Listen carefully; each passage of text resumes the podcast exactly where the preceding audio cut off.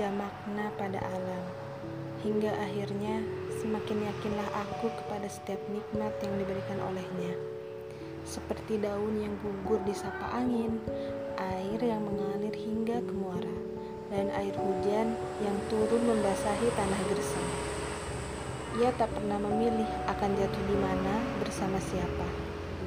Tapi satu yang ku tahu, ia tak pernah protes atas apa yang telah ditetapkannya Allah untuknya. Karena ia yakin segala ketetapan itu adalah terbaik untuknya. Kerap kali kita tidak menyukai apa yang telah ditetapkan untuk kita, yang menjadi takdir kita.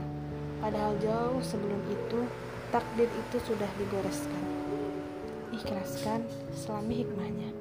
Hadapi, hayati, dan nikmati dan yakinlah itu yang terbaik untuk kita. Hingga rasanya segala sesak yang menghimpit dada akan berganti melegakan. Suara Suarna bercerita dari hati.